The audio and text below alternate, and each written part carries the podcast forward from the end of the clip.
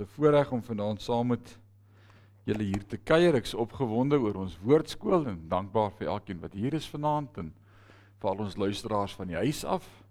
Baie welkom. Kom ons sit net so dan bid ons saam. Vader, U is awesome.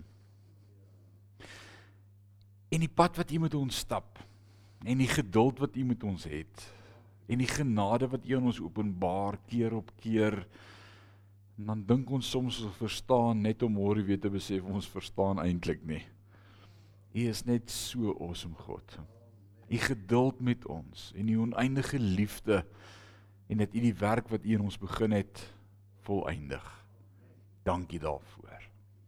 Dankie dat U met ons werk en dankie vir hierdie hoop in ons wat kan groei en vrug dra en dankie ook vir sondaande. Dankie vir elkeen wat opkom na jou huis en die woord liefhet. Ek wil bid dat elkeen wat vanaand hierdie woord sal hoor, gestig sal wees hierdeur. Heilige Gees, praat met ons. Soms is die tekste moeilik, maar die Heilige Gees is so kosbaar as jy dit vir ons oopbreek dat ons dit sal verstaan. Ons eer U daarvoor word verheerlik. In Jesus naam is ons gebed en sê ons sê amen en amen. Loof die Here. 1 Timoteus hoofstuk 3. Welkom, welkom, kom in. 1 Timoteus hoofstuk 3.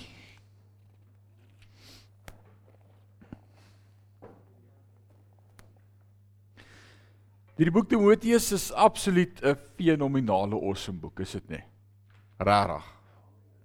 Dis net so 'n blessing en die eerste 2 weke was vir ons 'n groot blessing en laas Sondag aand na woordskool toe iemand my ge-WhatsApp wat online gevolg het en saam gekyk het en gesê het vanaand was 'n tight toffie.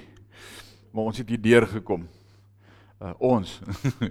Dis ek nie ons ons het hier deur gekom en dit's waar die Heilige Gees so kosbaar is getrou is en uh die pastoor Paulus opsiener Paulus skryf vir hierdie jong predikant pastoor Timoteus en hy gee vir hom praktiese riglyne rakende die gemeente en die bediening en dinge wat in die gemeente gebeur en in hoofstuk 1 2 en 3 is dit die opdragte aan die kerk in geheel in hoofstuk 4 5 en 6 die tweede helfte waarmee ons volgende week gaan begin as die Here ons spaar gaan oor opdragte aan die kind van God, die individuele opdragte aan ons as God se kinders. So dit gaan 'n awesome 3 weke wees vir die volgende 3 weke. So moet nou nie van volgende week af mis nie, want dit is regtig vir elkeen van ons, maar vanaand dan praat hy rondom die pligte in die gemeente opset.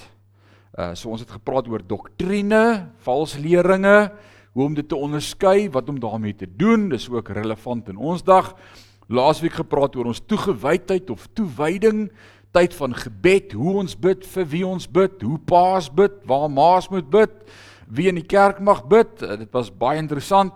Maar vanaand praat ons dan oor pligte. So Paulus praat met Timoteus rakende die wat wil diens doen in 'n gemeente en dan sê hy vir my vanaand maar dis nou nog nie ek nie. Ek het geen ambisie om 'n ouderling of 'n diaken te wees nie. Hang vas. Uh, dit laat my dink aan die pastoor wat gepreek het en gesê het wie het almal hartsiektes en toe steek niemand hulle hande op nie. En toe sê hy as ek vanaand klaar gepraat het, gaan julle almal hartsiektes hê. Want toe praat hy oor al die sonde tipes en elke sonde tipe is 'n hartsiekte. Nou ek gaan as ek vanaand klaar gepraat het, vir julle vra wie's almal ouderlinge en diakens en dan gaan julle almal julle hande kan opsteek. So hang vas. So ouderlinge en diakens vervul albei 'n besonderse rol in die gemeente. Uh en ek dink die konteks hoe ons diakens en ouderlinge verstaan is maar meerendeels uit die groot kerk, die gereformeerde kerke uh wat deur die reformatie gekom het en hulle gemeentestruktuur bestaan uit 'n hoofouderling, ouderlinge, diakens. Hulle sit so pragtig son daar weerskante van die kansel met hulle swart uh suits aan, hulle wit dasse. Ek dink om seef jy het vir jare daar voor gesit in die voorste bank. En dis die verstaan wat ons maar het van ouderlinge en diakens. Maar vanaand gaan ons 'n bietjie kyk wat sê die woord. Want dit gaan jou nogal interesseer om te weet dat wat die woord sê hoe ouderlinge en diaken lyk baie keer baie anderster is as wat ons dink hoe ouderlinge en diakens lyk. Alraai, so dit raak almal van ons direk. So ouderlinge en diakens vervul albei 'n besonderse rol in die gemeente en ons begin vanaand by vers 1 van 1 Timoteus 3 wat sê dit is 'n betroubare woord. Kyk dit dit dit moet ons vanaand mekaar sê God se woord is betroubaar. Alraai. Hy staan vas. En Paulus skryf vir Timoteus en hy sê dis 'n betroubare woord wat dat as iemand 'n ouderling wil wees, hy 'n eerbare verantwoordelikheid begeer. Nou ek gaan uit die nuwe lewende vertaling bedien ek. Dis vir my net 'n 'n praktiese verstaan in ons Afrikaanse taal. Nou die woord ouderling wat hier gebruik word, moet ons onthou dat in konteks van die Nuwe Testament is daar drie woorde wat met mekaar afgewissel word in konteks met wat Paulus hier skryf. En al drie beteken baie naby aan dieselfde en al drie word gebruik wanneer dit kom by die rol van lering of leraar. En dis die woord ouderling die woord pastor en die woord biskop bishop Dis eintlik die drie woorde uit die Grieksheid wat ons kry wat al drie betrekking het tot die bedieningsamp. So hou in gedagte die woord ouderling beskryf die man. Ouderling beskryf die man pres Peturas. Dis die Griekse woordjie presbyteras wat beteken 'n mature man. Nie 'n ou man nie, maar 'n volwasse man, 'n mature man. Nou kronologies nie oud nie, maar geestelik volwasse. Ouderling beskryf die man dan die woord biskop episkipas wat beteken dit beskryf die bediening So hy's die oorsigter of die oorsiener om te kyk dat die werk reg gebeur. Dis die woord biskop. Hier's die overseer. So as jy 'n 'n 'n 'n area herder is en jy het 5 selgroepleiers onder jou en jy check dat hulle 5 weer in hulle 5 selgroepe funksioneer, dan sê jy 'n biskop. Alraai. Opsiener. En dan die woord pastor wat gaan oor die metode. So die een gaan oor die individu, ouderling. Die een gaan oor die amp van opsiener en die derde een gaan die pastoor oor die metode in die woord pastor, alraight, is die woord wat gebruik word en gedefinieer word met feeder. Die een wat kos gee. Nou ek is 'n feeder. Vra my familie, ek hou van kook en ek voer hulle.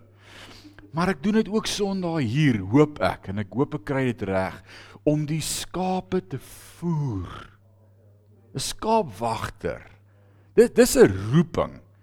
Nie enige ou kan 'n pastoor wees nie. Jy kan dalk 'n goeie ouerseer wees. Ek is weet dit nie goed nie. Ek kan nie check dat ander ouens hulle werk doen nie. Maar ek verstaan om 'n openbaring te kry by die Here en te voer. Ek is 'n pastoor en jy's geroep vir dit, skaapwagter. So in die Nuwe Testament word al drie gebruik en Paulus sê as enige man 'n amp begeer. 'n Amp as hy wil diens doen, wat moet hy doen? Gaan sien 'n sielkundige. Nee, nee, dis nie wat hy sê nie. Nee, nee, hy sê dis 'n eerbare verantwoordelikheid wat jy begeer. Dis eerbaar. Nou let op, almal wat in die bediening is, of wil wees, as jy 'n begeerte het om 'n ouderling te wees of 'n oorsiener te wees of 'n pastoor te wees wat lering gee, dis nie 'n goeie salaris nie. Dis nie 'n lekker job nie, maar dis 'n goeie eerbare verantwoordelikheid. Want jy werk vir die koning van die konings. En een ding wat ek moes uitvind in die bediening is die koning van die konings sê die woord sluimer of slaap nooit nie. So as pastoor werk jy ook altyd. Want jou baas werk. Alraight. Nou verstaan Jacques en Son en Grant so iets van die pragtige werksure. Jou telefoonnommer in die bediening is nie geheim nie. Hy's nie unlisted nie. Almal het hom. En hulle pla jou regtig dag en nag. En dis harde werk. Maar dis 'n goeie werk. En dis die lewe, dis 'n goeie lewe, maar 'n harde werk. Nou wel, daar's reeds van julle wat vanaand sê, maar dis nie vir my nie. Ek is nie 'n opsiener nie of ek's nie 'n pastor nie. Ek is nie 'n leraar nie, ek's nie 'n ouderling nie. Ek wil vanaand vir ons sê elkeen van ons is in 'n mate betrokke in 'n bediening. Nou kom ek definieer vir jou bediening. Julle onthou die storieetjie wat ek vertel van toe ons by badplaas met die karavaan gaan staan het en opslaan en my buurman hier langs aan en elke oggend kry ons mekaar vroeg daar in die Oos-Transvaal is dit reënerig en duinserig en dan staan ons daar by gisteraand se koeltjies en ons blaas die koeltjies so warm en ons gooi 'n stompie by en dan chat ons nou en ek vra hom uit wat doen jy? Waar kom jy vandaan? Wat werk jy? Hoe oud jou kinders? En ek hoor hy is uh Pieter Koen se swaar en hy vertel vir my die en hy vertel vir my daai. Naderhand weet ek alles van hom. En hier by die derde oggend Dis is dit buurman en ek sê how is dit Koenie en ek kom staan by hom en ons gooi weer stomp op en toe kom die vraag hoorie maar wat doen jy? En toe besef ek ah oh, daar gaan die vrou ding nou kom die moeilikheid. Alles het nou tot hier toe nice gewerk. En so staan hy met sy sigaretjie daar langs my en ons staan om die vuurtjie en ek sê hy jong uh wat sal ek nou vir hom sê doen ek? Ek ek wil nou net nie net hierdie verhouding nou verbreek nie, want as jy sê jy's 'n predikant, dan is jy met die plaag gestref. Jy's so staal op afstand en heilig en jy moet net ophou lewe, net asemhaal. So ek ek dog toe nee, ek gaan hom nou vang met hierdie triek en ek sê vir hom, man, ek ek ek boer. Dis mos waar. Ek boer. As jy dit net wou los. Maar hy wil nie. Nou sê hy boer, Jesus, ek ek is baie geïnteresseerd in die boerdery. My ma is daar aan die oogies se stryk. Ek dog, o, vader, hier kom dit. Hy sê, "Waarmee boer jy?" Ek sê, "Paar skape en daar's 'n paar bokke ook." Ek wil nou regtig eerbaar wees, maar ek wil nou net kan ons nou net oor iets anders praat. Hy sê skape, ek love skape. Wat se skape het jy? En ek dog, ag, vader. Kyk, Maak nie saak wat ek nou van nou af, dis nou fyn lyn. As ek nou iets sê, sal dit lieg wees. Dit ek sê vir hom nee, twee beenskape. Twee beenskape. Ek sê, ag jong, ek is 'n predikant. En hy gee so knoop en hy druk die stompie net so dood. En hy sê ek gaan net vir my vrou koffie maak. En hy's weg. En dit was die einde van ons gesels in die oggend. Want toe sy predikant melaat, sy is daar aan een kant. Elkeen van ons is in 'n bedieningsamp. Maar die volgende oggend toe hy nou sonder sy sigaret buite kom staan en sê goeiemôre dominee, hoe sê ek jy of ek's nie 'n dominee nie, ek's 'n 'n pastor. Toe sê hy nee, wat's dit? Toe sê ek nee, ek's skaapwagter. Ek gee die skape kos. Toe sê hy nee, verduidelik eers. En toe vra hy naderhand, hoe groot is jou gemeente in Parys? Dis ek jong dat ek nou net sien.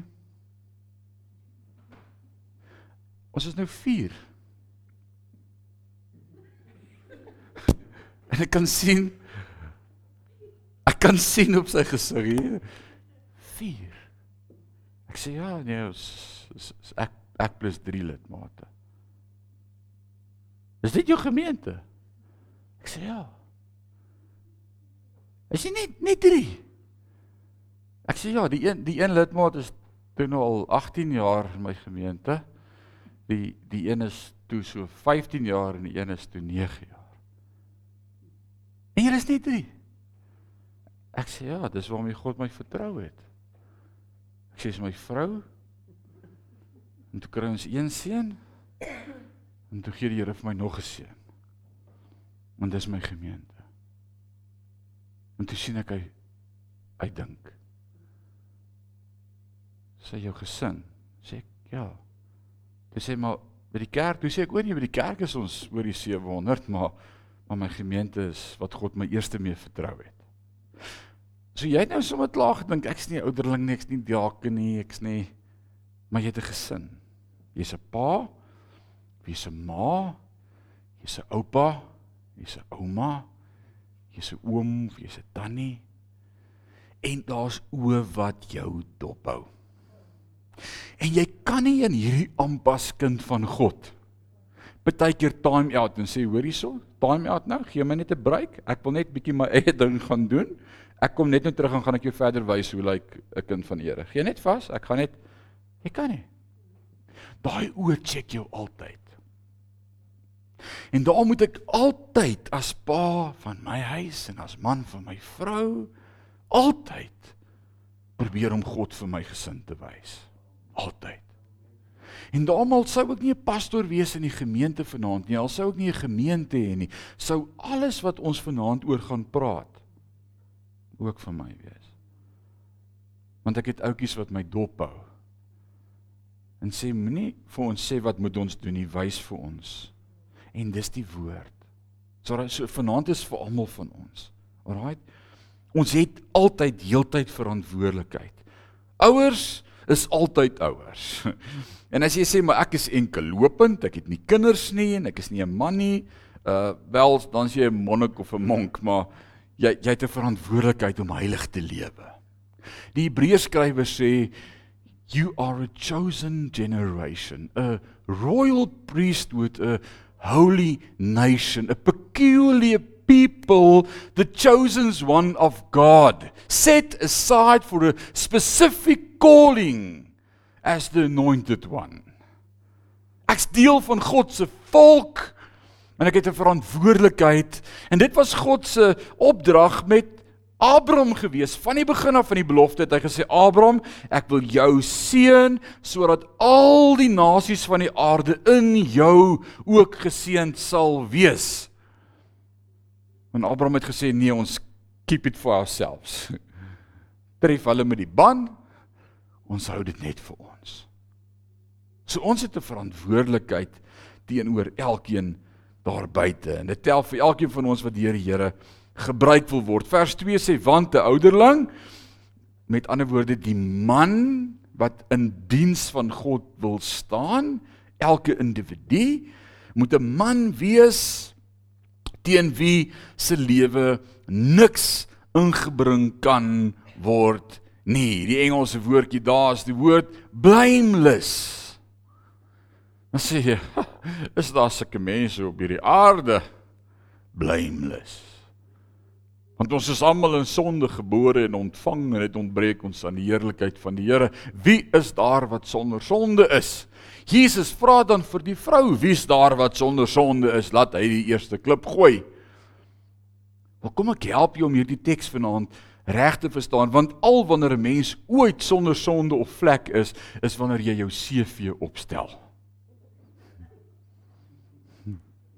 Dit is mos so. Dan is jy die beste en die volmaakste en die naaste en die slimste en die grootste. Totdat mense jou leer ken. Dan kom hulle agter o, jy's toe nou maar ook 'n mens. En jy word ook kwaad en jou spring ook uit en jy het ook Jesus. Maar wat sê Paulus dan hier vir Timoteus rondom die amp van uh ouderling in die gemeente en daar moet niks teen hulle ingebring kan word nie. Die idee hier is dat jy niks in jou lewe sal koester wat jy weet verkeerd is nie. Hoor mooi. Nie die feit dat ek hier meer het nie. Maar die feit dat ek my hier meer bely en sê ouens bid vir my. Ek sukkel met my hier meer. Maar ek koester hom nie en regverdig hom en sê ons van hels dingens is maar so gebore. Ah, dis maar in ons bloed. Nee. Met ander woorde die die vermoë om eerlik met jouself te kan wees en te sê Ek het tekortkominge, maar dis oop voor God en hy's besig met my. Ek koester dit nie. Ek steek dit nie weg nie. Ek akkommodeer nie sonde in my lewe nie. Ek voer nie daai swart hond nie. Nee. Ek is oop en bloot. Is dit nie mooi nie? So die gedagte wat Paulus hier vir Timoteus sê, is Timoteus as jy manne wil kry om in ampte aan te stel, moet dit manne wees wat deursigtig is en bereid is om te erken en te werk aan hulle foute. Dis nie ouens wat dink hulle is volmaak nie, dis ouens wat weet ons is nie volmaak nie, maar hy's besig met ons. Dis elkeen van ons. Maar die verskil is sommiges van ons probeer dit bietjie wegsteek en daar in die hoekie en niemand weet nie en dis hier agter die deur en ouens daar's oë wat jou dop hou. Profet sing daai liedjie wat sê ons sit hier onder en ons wonder of jy weet profeet. Die kindertjies van Jesus is die poppos nê. Ons weet. Maar ken jy daai liedjie? Ek moet hom vir jou speel. Ons moet dit dalk sing in die kerk. Die kindertjies van Jesus is nie poppos nie. Ons sit hier onder en ons wonder of jy weet, ons weet. Daai dinge wat jy doen wat jy dink niemand weet nie. Ons weet. En mag ons as kinders van God net so eerlik en deursigtig wees want wanneer ons 'n fout maak om te sê I messed it up. Maar hy het my vergewe. Groter is hy wat in my is as hy wat in die wêreld is. Ek leef nie meer nie, maar hy leef in my. Dis 'n ouderling. Dis die kere wanneer ek vir my seuns kan sê seuns ek het dit verloor vanmiddag. En ek was baie kwaad. En ek het rede gehad om kwaad te wees. Maar vergewe my want ek het verkeerd opgetree. 'n Godsman moet nooit so optree nie. Leer vandag by julle pa. Moenie dieselfde foute maak nie. En dan kyk my jongste my so en sê: "Maar jy het rede gehad." Wat was stout? Sê ek dit maak nie 'n verskil nie. Ek moet hulle leer in die proses sodat hulle ook eendag in hulle lewe deursigtig sal wees en sê ons wil nie goed wegsteek nie. Ons wil kan sê ons is oop en bloot. En weet jy wat?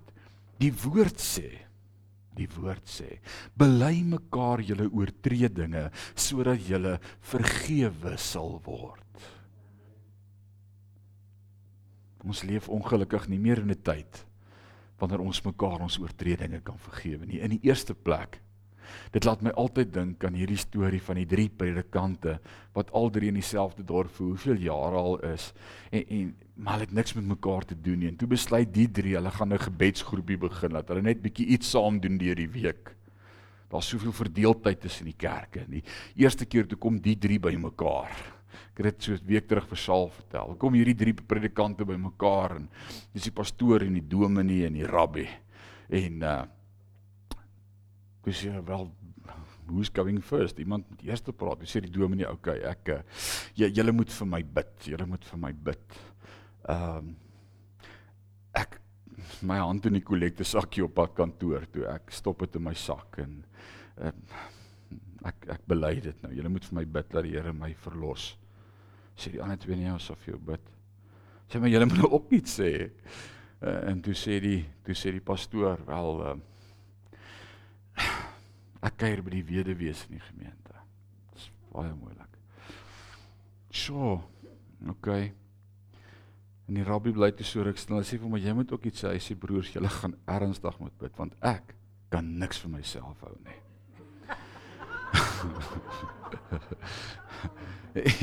En ek dink soms dis dis deel van die challenge waarmee ons sit is is is ek wil so graag deursigtig wees en en dit net deel met iemand maar die Here help jou met wie jy dit deel want dis dalk môre in die koerant. En en dan leef ons net in hierdie era en tyd wat ons sê, wel dan vertrou ek niemand met my hart nie. Here, dan sit maar tussen my en U.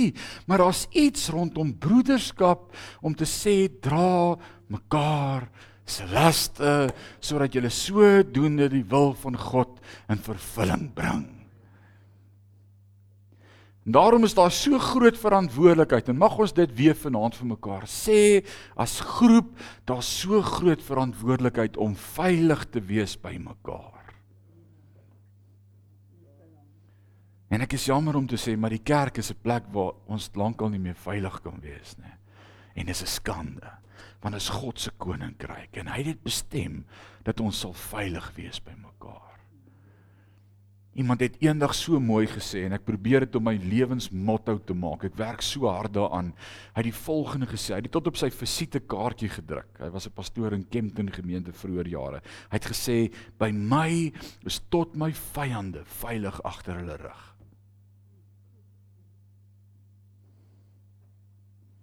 Dit sê iets. As jou vyand veilig by jou is, as hy nie eers daar is nie. En dis die attitude wat in die kerk moet wees.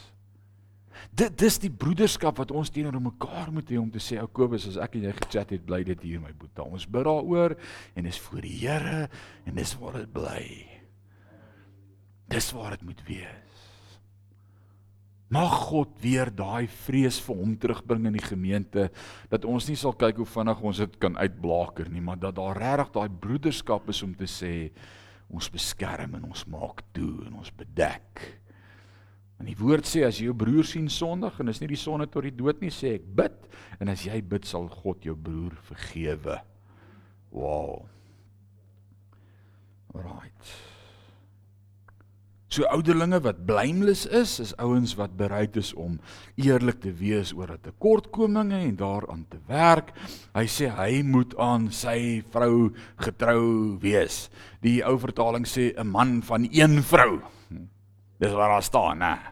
Wat beteken dit, 'n man van een vrou? Wel, die Griekse kultuur het die dag gedikteer dikteer in die samelewing dikteer op daardie stadium. En die Griekse gebruik was gewees dat as jy nou 'n klasman is en bietjie aansien by die gemeenskap was daar 3 girls in jou lewe. 3 die eerste een het hulle geglo was jou sielsvernoot die een met wie jy jou gedagtes kan deel, met wie jy kan chat tot laat in die aand om 'n glas rooi wyn en en veilig voel by haar en op haar boesem lê en en dit was jou connection, jou sielsvernoot gewees. Jou companion of jou soulmate. Die tweede een was jou skelmpie. En sy was uitsluitlik daar gewees vir seksuele favours. Alrite, she kept you going. Die derde een was jou vrou met wie jy getroud is sodat jy daarom wettige kinders in die lewe kan bring.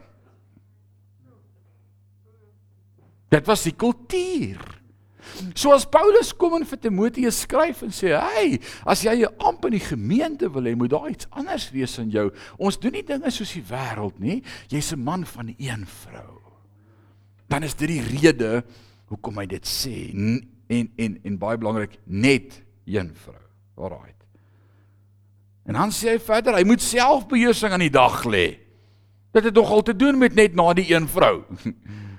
Jy moet jouself kan beheer, broer, net een vrou. O. Oh, met wysheid lewe en 'n goeie reputasie hê. Hy moet gasvry wees en onderrig kan gee. Nou hier is mooi karaktertrekke wat hy hier beskryf mooi dinge wat in ons aan wat ons in ons teenwoordig moet wees ook in ons gesinne as paas van ons kinders en ons vroue manne vir ons vroue vroue vir ons manne en maas van ons kinders. Hierdie goed moet teenwoordig wees in ons lewe. Selfbeheersing aan die dag lê Nou kom ons vra vir mekaar so die vraag want ek het tog al vanmôre besef uit die preek uit en in my trant van voorberei hierdie week daar's 'n paar maniere om by dieselfde antwoord uit te kom en dalk is 'n goeie antwoord altyd om te sê wat is dit nie. Ek het dit vanmôre besef. So kom ons sê vir mekaar wat is selfbeheersing nie? En wie wil iets sê wat is selfbeheersing nie?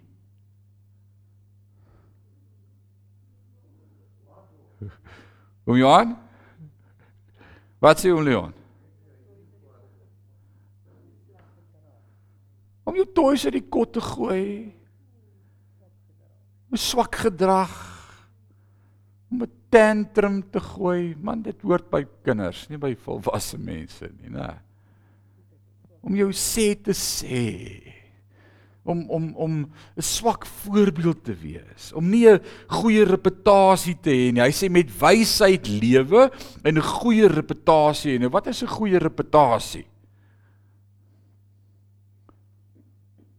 Wat is dit wanneer iemand nie 'n goeie reputasie het nie? As jy nie 'n goeie voorbeeld is nie, as mense nie goeie dinge van jou kan sê nie. Hoe sê jy? Geen respek nie. So so hy hy beskryf hierdie ou en dan sê hy dit met 'n ou wees wat homself kan beheer. So hy moet nie van sy handles afvlieg nie. Is dit nogal iets wat die wat die jong mense sê hier uit van sy handles afgevlieg. Dokter Horak het altyd gesê sy spring hak uit. Nee. Jou spring moet nie uittak nie, broer. Jy moet jy moet jy be composed, nee, en beheer van jou emosies en van jou woorde. O, woorde is 'n groot ding, net jou tong. Baie ouens is gereserveerd en kalm. Hulle die die die jong mense sê hulle is so kalm soos 'n daggewalm. Nee, dis nou 'n mooi beskrywing vir vir ek sou nie weet nie, maar hulle is kalm. Maar baie skerp met wat hulle sê en hulle laat vir jou eintlik so uh, baie composed. Maar jy het, jy het nie selfbeheersing oor jou tong nie. Jakobus praat van die tong as die kleinste deeltjie van die boot, die roer van die boot. Hierdie kleinste stukkie van die hele boot, maar daai hele groot boot draai om op op die tong. Hy sê julle kan nie eers julle tonge self beheers en toepas nie. So selfbeheersing in die dag lê, dis nie net jou optrede nie, dis ook met wysheid en jou tong, met wysheid lewe en 'n goeie reputasie hê. Hy moet gasvry wees. Nou wat beteken dit om gasvry te wees? Nee, dis nie wat jy dink nie. Om, om gasvry. Hoe is ons stoffel? Om nooi iemand om vir jou te kom kuier en en gee vir hom koffie en en en offer vir hom iets en en wees gasvry en entertain hulle en gee hulle breakfast en en en kuier. Moenie Ja, wat soek jy? Praat jy die Here toe ek? Kan ek jou help? Nee nee. En, en ek is jammer om dit te sê maar in ons dag en ons kultuur waarin ons lewe, word ons mure hoër en ons hekke donkerder en die klokkies wil eers werk nie. Want hulle pla my, dis my huis. Pa Paulus sê daar's daar's iets in 'n kind van God se lewe wat sê ek wil share want sharing is caring. En en En iemand het eendag so mooi gesê, hy sê ek sal nooit jou vriend kan wees totdat ons saam ge eet het nie. Nou weet jy hoeveel vriende het ek, maar dis dis moeilik. Want want jy wil connect met hulle en jy wil gasvry wees en dit dis 'n goeie eienskap, 'n Bybelse eienskap. En onderrig kan gee. Wat beteken dit om onderrig te kan gee? Dion, wat beteken dit? Jy moet bereid wees om ander te leer. Baie ouens is bereid, maar hulle het nie 'n klou nie. En, en baie ouens het 'n klou, maar hulle is nie lus nie. Of hulle het nie people skills nie, of hulle het nie liefde vir mense nie. Jy kan die greatste teacher wees, maar as jy nie hart en passie het vir mense nie, gaan iets anders om te doen. Jy jy moet mense lief hê om te kan teach. En weet jy wat teach jy? Niks anders as die woord van God. En daar's te veel teachers daar buite wat hulle eie opinies teach. Hulle eie opinies. Maar is nie God se opinies nie. En daarom sê ek dit elke keer, mag die Here ons help in Sion dat as ons die woord oopmaak, ons sal hoor wat die woord van God sê. Ek moet nie hier en daar 'n skrif vat en as ons die helfte wegvat hier en daai helfte en ons vat hier in die Latyns en hier in die Hebreëus en ons sit dit bymekaar en ons draai hulle om, dan kry ons hierdie revelation nie. Ons is fout. Want die woord van God sê oral dieselfde. Hy kan homself nie weerspreek nie. Is dit nie mooi nie? Hy kan nie. So jy moet 'n leraar wees. Hy moet hom nie aan drank vergryp in gewelddadig wees nie. Die twee gaan nogal saam, is dit nie so nie? Want jy vergryp vir jou eers en dan word jy kwaad. ek, ek sien mos die manne, hulle word uitgegooi daar by Abies. Ek moet seker nie name gebruik hier van die kansel af nie, maar dis naby julle Dion, net om die hoek van julle af. Jy sal weet. Maar maar daar's nog hulle dang met drank. Jy kry ouens wat verskriklik vriendelik raak hier na die derde drankie. En dan kry jy ouens wat aggressief raak. Die bloed in hulle are kook en hulle word sterker en kwaader en wil met almal beklei. Hy moet net nie alleen badkamer toe gaan nie, want dan slaan hy die spieelstuk in dink jy die ou het vir hom vuil gekyk, maar as hy self, maar hulle is aggressief en en Paulus sê nee, dit dit hoort nie in 'n kind van God se lewe nie. Daar's nie plek vir vergrype van drank of of of gewelddadigheid nie, maar hy moet sagmoedig, hier's die die die teenpool daarvan is om om jy te vergryp aan drank en kwaad te raak of of of maar kom ons sê dit vir mekaar, as jy gedrink raak, verloor jy alle inhibisies en en jy jy jy sê verspotte goed en jy's nie in beheer van jou tong nie. Ek het nog nooit in my lewe dronk ou gesien wat in beheer is van homself nie. Het jy al? Dit dis net nie moontlik nie. Jy jy jy sê ligsinnige goed of jy jy vertel grappe wat jy nooit sou vertel nie. Dit dit bring net sonde in jou na vore, niks anders nie. Vir my is 'n stress reliever. Want dit gee my meer stres na die tyd want ek moet vir 'n maand lank aan my huwelik werk. Jy weet, los dit net. Jy het dit nie nodig nie. Dankie vir al daai amen. maar maar hier is die teendeel daarvan. En en ek praat van om aan om drank te vergryp. OK. Daar's ouens wat rarig. OK, moenie jou vergryp daarin nie. Dis wat die woord sê en ek gaan dit daar los. Maar hy moet sagmoedig wees en vredelewend wees en hy moet ook nie geldgierig wees nie. Nou sagmoedig uh hy met ander woorde hy moenie wil vergeld nie. Moenie wil rebelleer nie. Moenie wil beklei nie. Moenie 'n ding wil sê om te sê nie. Moenie moenie klippe teruggooi nie. Dis wat dit beteken. Want Jesus leer ons as sy volgelinge en disippels, jy gaan vervolg word. Jy gaan beledig word. Jy gaan valslik beskuldig word ter wille van my naam.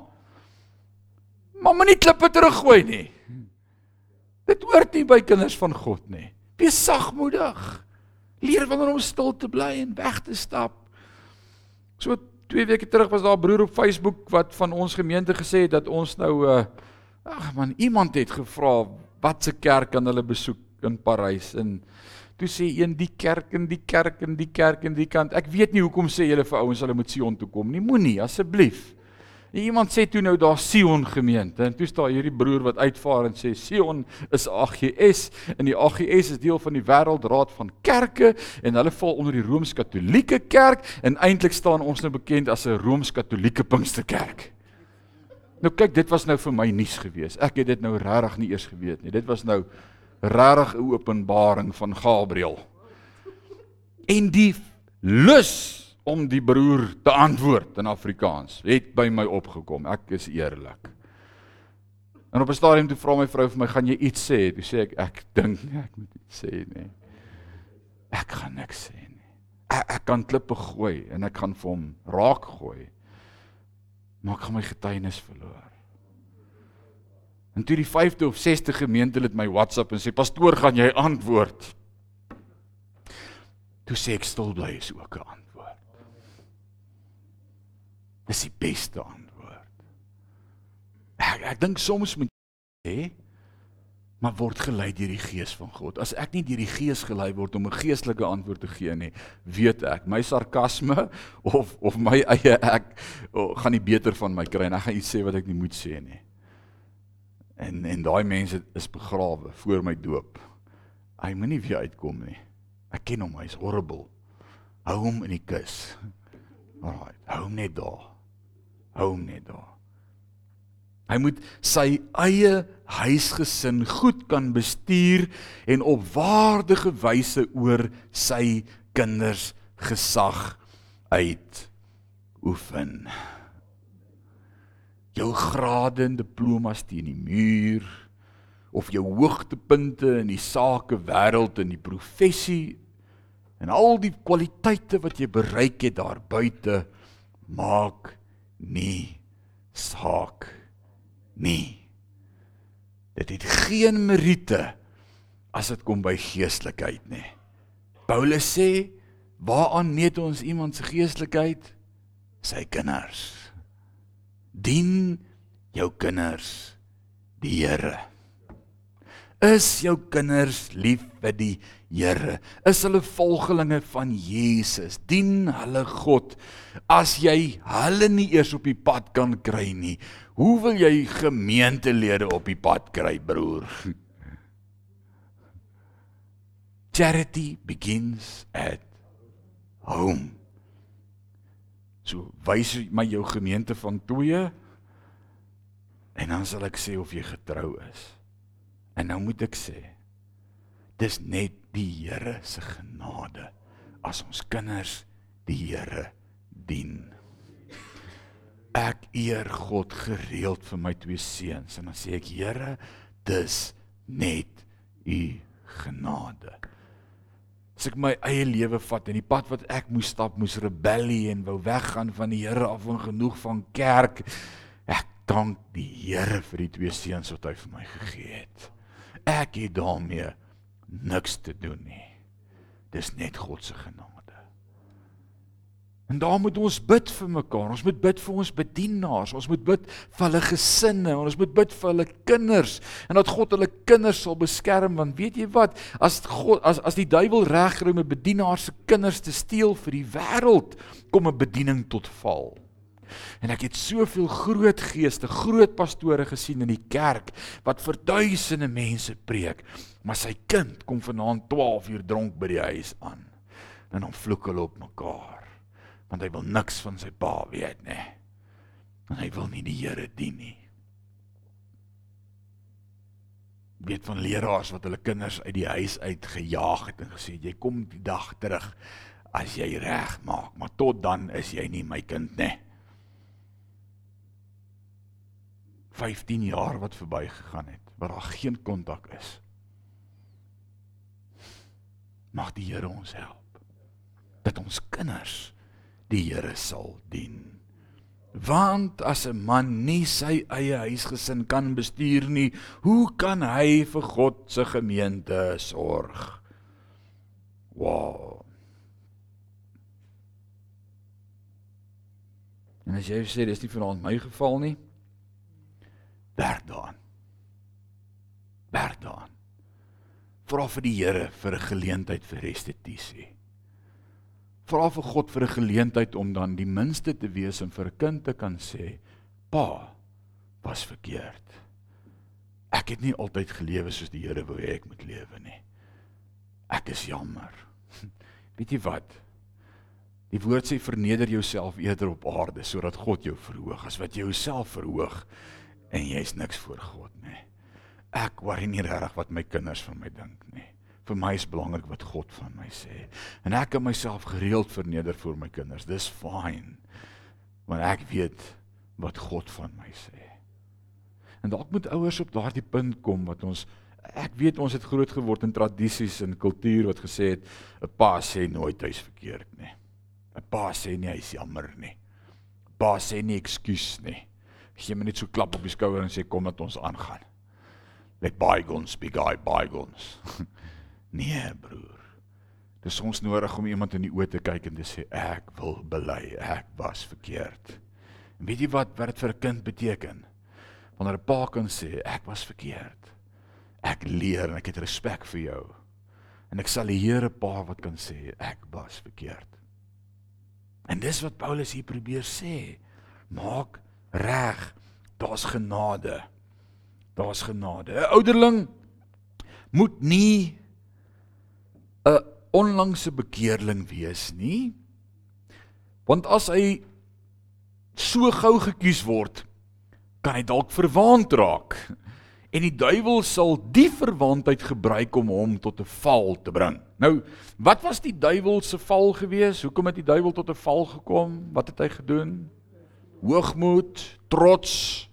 Oh, kyk hoe lyk my vlerke. Onthou uh, ek dink is uh is dit Esegiel wat dit so mooi beskryf dat hy orrelpype, né? Pan pipes in his wings. Hy elke keer as hy sy vlerke geklap het, het die pyporrel gespeel, pappa. Dit was die eerste pyporrel van die duiwel. Sorry. Maar dit is regtig waar dit vandaan gekom het. En elke keer as hy sy vlerke klap, dan gaan hy pype. En dan sê hy, "Wow, kyk my pype." hoor jy die klanke wat uit my uitkom trots hoogmoed nou sê die woord Paulus sê moenie ou in 'n amp sit wat jonk op die pad is nê want dan gaan hy sê wow ek is 'n ouderling in die gemeente En dan gaan daai trotse gees wat in die duiwel pos gevat het, dalk in jou pos vat en die duiwel gaan dit gebruik om jou tot 'n val te laat kom. En ek wil sê, ek het selfs in my lewe of 27 jaar in die bediening dit 'n paar keer gesien wanneer ons ouens te vinnig in leiersposisie sit. Hierdie ou kom net op die pad en hy's lief vir die Here en dan sê, "Hoorie broer, jy het potensiaal, kom." O Leon, jy weet waarvan ek praat en dan en dan maak hy dit net, nee. Hy maak dit net. Wat gebeur? Trots. En dis van die duiwel. Oppas vir dit. Laat hom eers bietjie groei en groot word. Vers 7 sê die buitestanders moet ook goed van hom praat sodat hy nie in die duiwel se struik trap en tot skande kom nie. Jy kan nie 'n undercover agent vir die Here wees nie. Jy kan nie. Jy kan nie daar buite in die wêreld rondsluip en nooit oor die Here praat en niemand weet wie jy en dan eendag kom jy 'n besoeker by die gemeente en hulle sê: "Liewe heerlikheid, Eugene, is jy op die kerkraad?" Want die wêreld weet nie wat ek hier is nie en hier weet nie wat ek in die wêreld is nie. Nee. Dis eintlik wat Paulus hier sê, is jy moet oral deursigtig wees. Mense moet goed van jou kan praat, hulle moet jou ken, jou getuienis ken, sodat die duiwel nie 'n stryk vir jou trap en jy tot 'n skande kom nie. Op dieselfde manier moet diakens mense wees wat gerespekteer word. Mense moet respek hê vir jou. Jy moet respek afdwing. Hulle moenie dubbelpraters wees nie. Wat is 'n dubbelprater? Jou ja met jou ja wees en jou nee jou nee. Jy kan nie vandag sê dit het gebeur en môre sê nee, ah, dit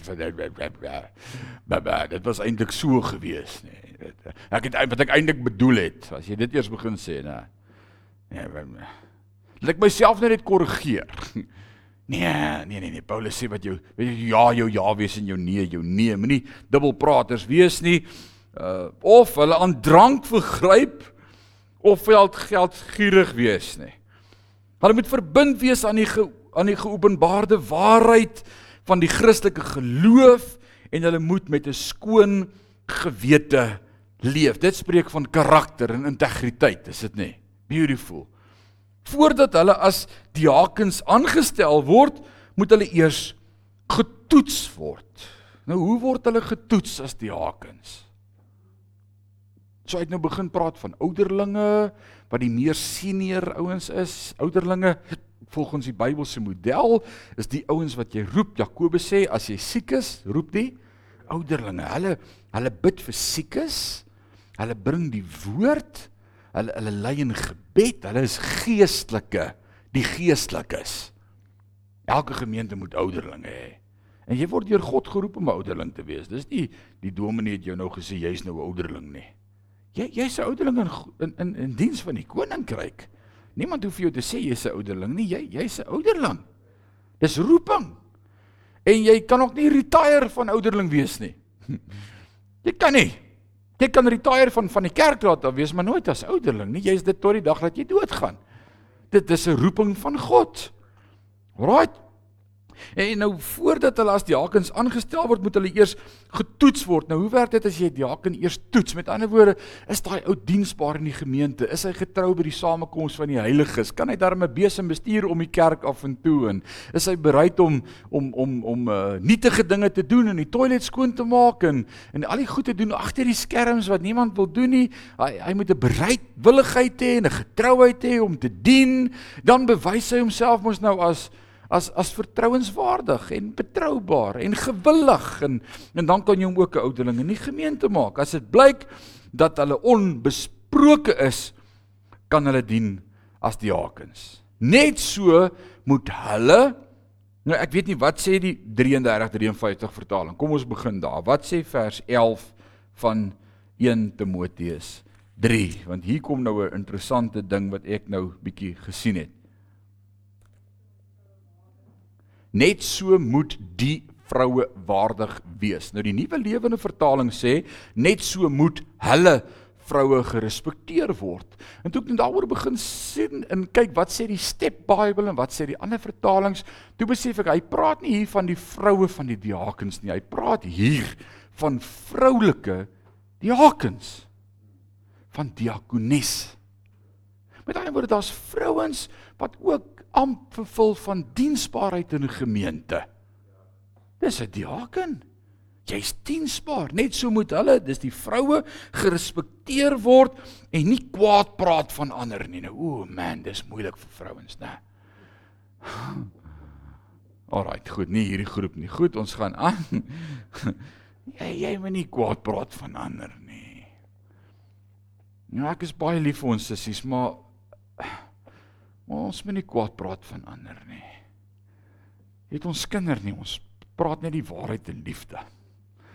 Jy weet ek wil dit daarom nou net sê soos dit is. Ek wil daarom nou nie skinder nie. Of of of ons is by die vroue bid hier, nê, en dan sal ons sê uh ai Jesus ons moet asseblief bid vir daai sissie van ons want en dan stel ek die hele storie alles wat ek wou skinder oor haar skinder ek. En dan sê nee ons moet ons moet net bid vir haar. Die Here die Here moet haar help. Sy leef in sonde. O hemel. Maar reg dit dit werk nie so nie. Dit dit dit hoort nie in 'n kind van God se lewe nie. Dan wat ek net nou gesê het ons moet veilig voel by mekaar nê nee. Jou vyande moet ook by jou veilig wees al is hulle nie by nie agter hulle. So en dan, en dan net na dit as hy sê hulle moenie kwaad praat van ander nie dan sê hy hulle moet selfbeheersing openbaar. Is dit nie nogal wat die punt juis is wat ek moet hê om nie kwaad te praat van iemand nie? Dat ek mis myself kan beheer.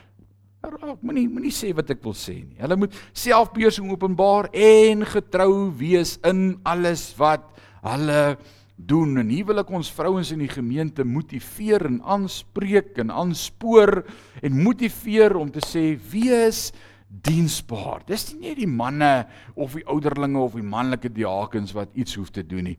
Vrouens, hier's baie in 'n gemeente om ook betrokke by te raak. Nee, nou is nog nie een amen nie. OK, goed. Ehm um, As die Here op jou hart lê, kom sê ek is diensbaar. Ek ek ek dink ek wil diensbaar wees. Die wat goeie diens lewer as diakens sal beloon word met respek van ander en sal groter vrymoedigheid ontwikkel in hulle geloof in Christus Jesus. As jy die amp van 'n diaken of 'n diakones goed uitoefen, doen jy goed sê die woord. Stefanus was 'n diaken, een van die eerste martelare vir Christus. Filippus een van die eerste groot evangeliste wat daar was en sy kinders het in die bediening, sy dogters het profeteste geword aan die kerk van Handelinge, maar hulle het begin as diensbare diakentjies wat na die wees en die weduwees moes omsien en kospakkies uitdeel. Maar toe hulle getrou is in die klein dinge in die gemeente, het God hulle verhoog en Stefanus die eerste martelaar vir die Here. Wow, hy het gepreek. Filippus, hy het die evangelie verkondig. Waar het hulle begin? Hulle was diensbaar. Alraai. So dis nogal 'n mooi 'n mooi amp om te begeer. Die hartklop van die geloof in Jesus Christus en kom ons probeer klaarmaak in die volgende 7 minute. Ek skryf die dinge nou aan jou alhoewel ek hoop om binnekort by jou te wees. So Paulus skryf hierdie brief brief vir Timoteus en hy sê ek skryf dit so lank vir jou. Ek wens ek was daar om dit self vir jou te sê begeer om met jou te, te deel, maar ek kom in geval ek vir 'n tydjie nog nie kan kom nie, sal jy weet hoe mense hulle moet gedra in die huishouding van God. Nou dit dis 'n mooi beskrywing van die kerk. Wat is die kerk? Die huishouding van God. Met ander woorde in elke gemeente is daar huisreëls. God is die hoof van die huis en hierdie is deel van sy huisreëls. Wat hy sê en hierdie huis wil ek hê dit moet so wees. En dan beskryf hy dit so pragtig as hy sê dit is die kerk van die lewende God wat die pilaar en stit van die waarheid is. Is dit nie pragtig nie? Dis die kerk van die lewende God wat die pilaar en stit van die waarheid is. So nou, kom ons werk dit om. Wat is die stit en die pilaar van die waarheid? Die kerk. Nou wil ek vir jou vra, hoe lyk die kerk op aarde? Hoe lyk God se kerk? Is dit die stit van die waarheid, die pilaar van God se woord? Of is daar soveel vrae wat oor ons lewens gevra word? Vingers wat na ons lewens wys en sê as dit is hoe 'n kind van God lyk, nê, nee, dan wil ek nie deel wees van die kerk nie. Mag die Here ons help dat elkeen van ons 'n pilaar van standvastigheid sal wees wat eer bring aan God as 'n pilaar en 'n stit van waarheid. Die waarheid is Jesus Christus. Dalk voel jy effe moedeloos na vanaand se lering. Dalk sê jy liewe genade, ek bedank. I retire. I rest my case. Ek kan dit nie maak nie. My kinders wil nie die Here dien nie. Ek is 'n mislukking. Ek het issues in my eie lewe. Ek ek ek kan nie die pyp rook nie. Ek sit 'n leerstelling. Ek drop God. Ek het hom al soveel keer gedrop. Ek kan nie in sy diens wees nie. Ek is nie bruikbaar nie. Hier kom die punchline. Paulus het nie opgehou om hoofstuk 3 te skryf nie. Hy skryf in vers 16 en hy sê van hoofstuk 3 En die geheim van ons godsdiens is sonder twyfel groot. Dis 'n geheim. Die die Engels sê great is the mystery of godliness. What what is the mystery? Wat is die groot geheim vanaand vir my en vir jou? Hier hier kom die geheim. Hou vas. Hy is geopenbaar in 'n menslike liggaam. Hy's regverdig bewys deur die Gees. Hy's gesien deur engele. Hy's verkondig onder nasies. Hy's geglo in die wêreld en opgeneem in heerlikheid. En, en ek vra vanmiddag vir die Here, so wat is die geheim? Dit is alles great en dis evangelie en dit dit is alles so hy hy hy het as mens verskyn Johannes 1 vers 11 God het mens geword en onder ons kom woon. Hy uh, hy het homself as regverdig bewys. Die Gees met sy doop het het God self gesê dis my seun en wie ek geliefde seun en wie ek welbaat en die Heilige Gees het oor hom gekom. Dit het gebeur. Hy hy hy het aan engele verskyn in die wildernis met sy beproewing 40 dae in die woestyn. Het engele hom kom dien nadat hy 3 keer die toets weerstaan het. Het engele uh, hulle hulle het geweet hy's die seun van God. Hy is aan die nasies verkondig, hy het homself aan die nasies verkondig. Hy het by die Samaritaanse vrou gaan sit en en by die Kanaanitiese vrou gaan sit en en sy disippels het van hom gepreek en uitgegaan. Hy het hy het homself verkondig aan die nasies. Hy het gesê Jerusalem, Jerusalem moet dikwels wou ek julle bymekaar maak soos 'n hen haar kykens, maar julle wou nie. Hy het in die wêreld geglo. Nikodemus het geglo. En hy's opgeneem in heerlikheid. Hy't opgevaar en die engele het gesê net soos wat julle hom sien opvaar, so sal julle hom weer sien. Kom, maar waar is hy nou? En en hier's die geheim. Waar is hy nou? Aan die regterhand van God die Vader. En en hy sê vir sy disippels, dis vir julle voordelig dat ek gaan. Want as ek nie gaan nie, kan die Heilige Gees nie kom nie. En ek sê Here, wat is die geheim? Wat is die geheim? Wat is die geheim? En die God sê vir my vandag dat my Gees in jou woon. Jy jy's 'n mislukking in jouself. Jy's teleurgesteld in jouself. Jy drop jouself. Jy het tekortkominge in jouself en jou verhouding ontbreek kommunikasie en dinge wat skeef geloop het maar dis oukei okay, want ek het my gees gegee sodat hy Here sal leer en sal lei in die volle waarheid. En al wat ek vanaand moet sê is Here lei my. Lei my. Lei my. Ons sluit ons oë en dan maak ons dit ons gebed vir so 'n oomblik om vanaand te sê Here lei my. Lei my deur die Gees.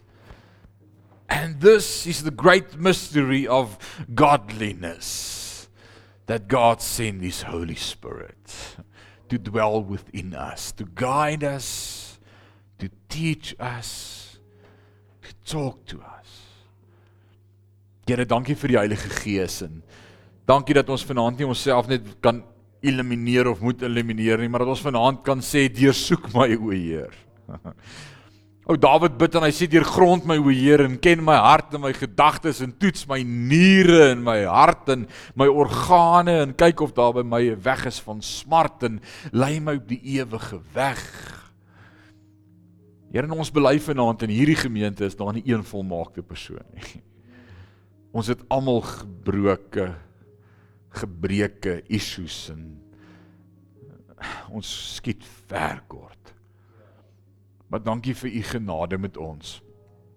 En dankie dat u stikkende mense heel maak. En dankie dat u woord sê u sal nooit die geknakte riet afbreek nie. En dat u woord sê u gaan nie die dowwe lamp uitblus nie maar u kom vanaand deur die Heilige Gees en u vlam ons op en u herstel ons in ons.